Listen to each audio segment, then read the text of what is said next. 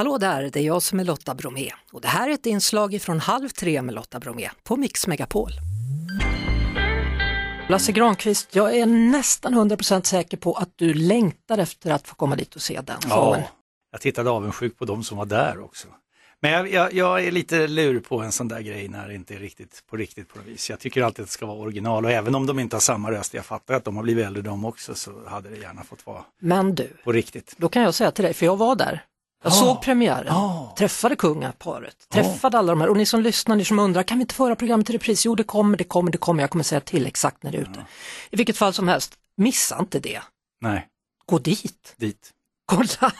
Var där, du kommer älska den när du är där, du kommer fatta, jag säger inte mer än så, Mm. Nej, utan nej. bara Lyssna på programmet också så Ja. lär mig mer. Du, eh, Janne Andersson förut här, han Mm. sa att vi inte ska vara för hårda ikväll nu mot eh, landslaget när blågult spelar mot Serbien.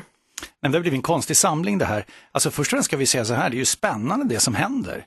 Janne Andersson som ju är en äldre förbundskapten, han närmar sig ju 60, han är till och med äldre än vad jag är. och, och otroligt övertygad om hur fotboll ska spelas i det här systemet 4-4-2 som liksom är eh, på något sätt ett, ett fundament för hela Janne Anderssons ledarskap. Han ändrar sig ju nu och säger, ah, vi har spelare som har ingredienser i sitt offensiva spel som gör att vi måste spela lite annorlunda. Så det är en spännande samling i det perspektivet. Dock är ju knappt någon lirare med som ska genomföra det här sen, utan det är ju så skador och återbud och de är trötta och det har varit en lång säsong och det är det ena med det andra. Ja, de är dessutom avstängda, tyvärr, Dejan, Kulan, Kulusevski. Ja, det är också, Ja. det, det underlättar inte på något Nej. sätt. Och så ska de stå över i någon rotationsväg för att Emil Forsberg kan liksom inte lira den här matchen också, vilket jag får förståelse för.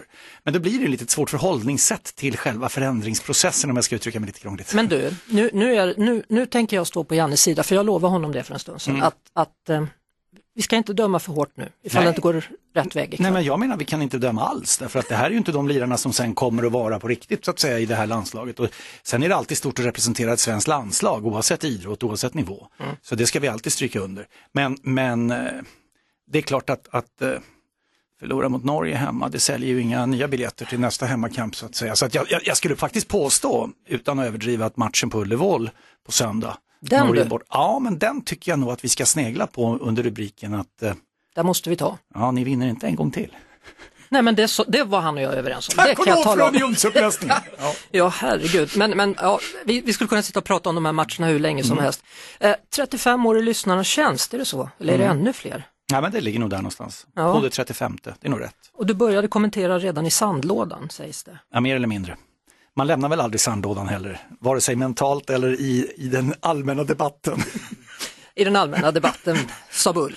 Eh, vad, vad gjorde du då när du satt i sandlådan? Vad kommenterade Nej, du? men det är faktiskt inte helt fel att säga det därför att eh, jag, jag eh, grannskapet hade cykeltävlingar nere vid Backvägen och där ligger, precis där ligger ju Friends Arena nu för övrigt, som den är på Friends Arena är väldigt nära där jag växte upp.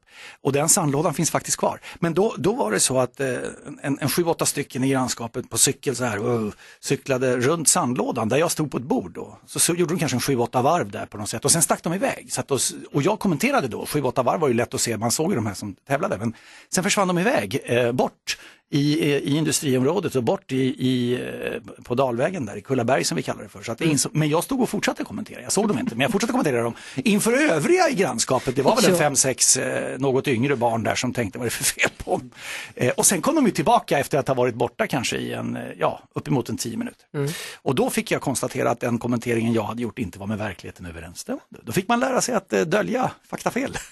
Ja, Eller snabbt ställa om inför en ny verklighet. Ja, men, men alltså, det är väl någonting som, som, alltså, vad ska jag säga, du och faktafel, det händer i stort sett aldrig. Nej, men det, eh, nej, det ska det ju inte göra. Och det är ju samma sak, vi, vi är journalister. Och då är det ju i, i grunden så att vi strävar ju efter att göra så rätt som möjligt, så ofta som möjligt. Sen blir det ju faktiskt fel ibland. Och det kommer ju med, med ju, ju längre du har vandrat på livets stig, desto mer medveten blir du om att det är faktiskt rätt svårt att vara helt hundraprocentigt perfekt.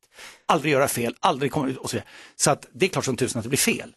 Men, men eh, det är ju en rimlig, en rimlig kravställning från lyssnare och tittarledet att säga vi förutsätter att du vet vad du snackar om. Ja, men ditt signum är ju någonstans att du, du sitter med dina understrykningspennor, du har allting om varje spelare till Ja, exempel. ja då. Sen kan det ju vara så att eh, faktainsamlingen har, har varit fel eller blivit felskrivet eller jag ser på fel rad. Så jag har ju glasögon numera. Så att, men, men eh, då kan man ju skylla på åldern. Du skulle ha varit i USA, men resan blev inställd. Nej, men det blir lite ändrat så att eh, vi, vi vi får pussla om det där lite grann. Det kopplar ju till, till, eh, till Hasse Backe och jag håller på en del med hästar. En hel del? Ja, eller? ja en och, del? och vi, har ju, eh, vi har ju intresse i, i USA där också. Men vi får skjuta på det. De har ju ett storlopp i början på augusti månad. Första eh, lördagen i augusti kör de ju Hambletonian eh, på, på The Meadowlands i New Jersey. Eh, och då, ja det är väl i princip där Newark ligger, flygplatsen, så det är hyfsat nära att ta sig dit. Så det, vi får skjuta på det. Men du, vem var det som väckte ditt travintresse?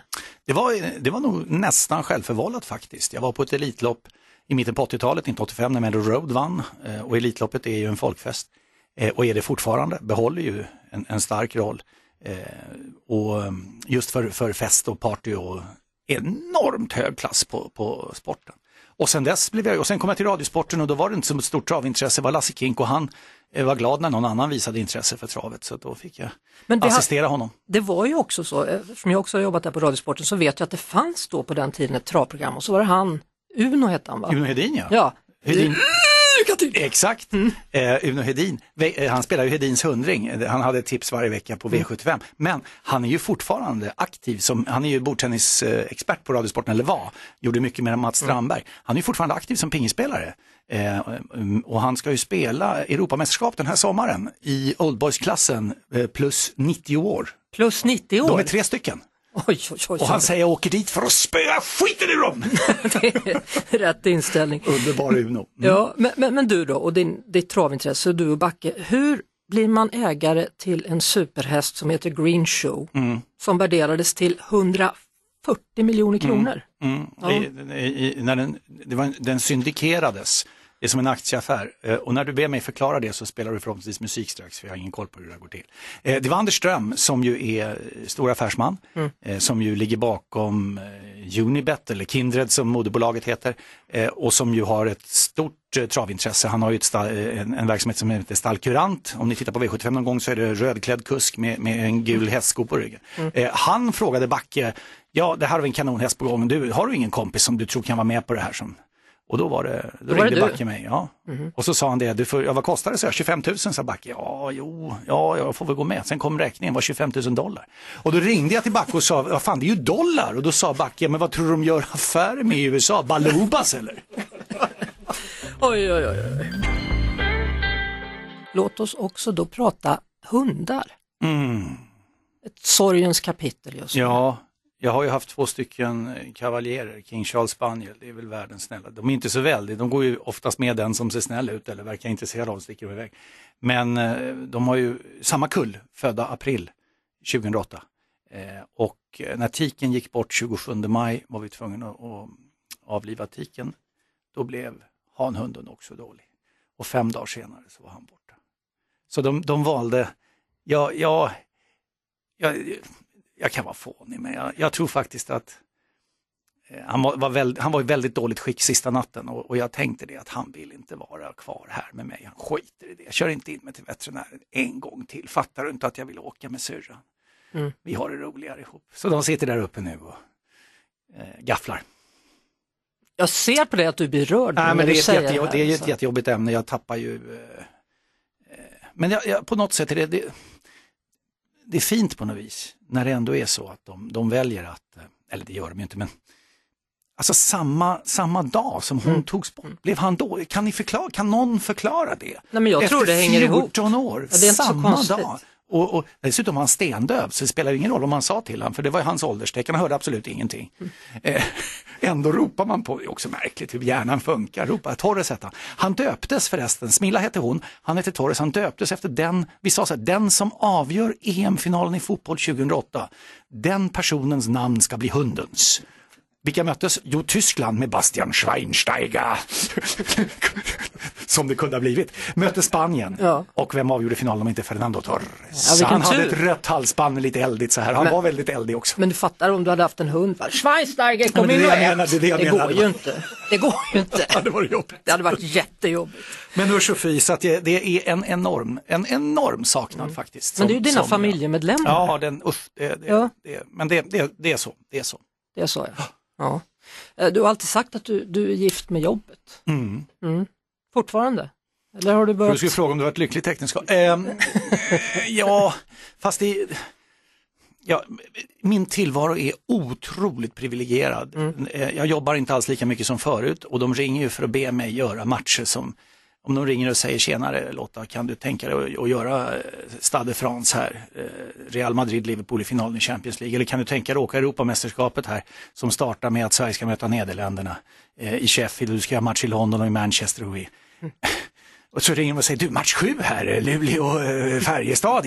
Men, men alltså så, tillvaron är så vansinnigt privilegierad. Mm. Så ur det perspektivet så får jag väl påstå att det från mitt håll i alla fall är ett lyckligt äktenskap. Sen vet jag inte vad, vad, vad tittarna säger och tycker och tänker och känner. För det är ändå det som är avgörande.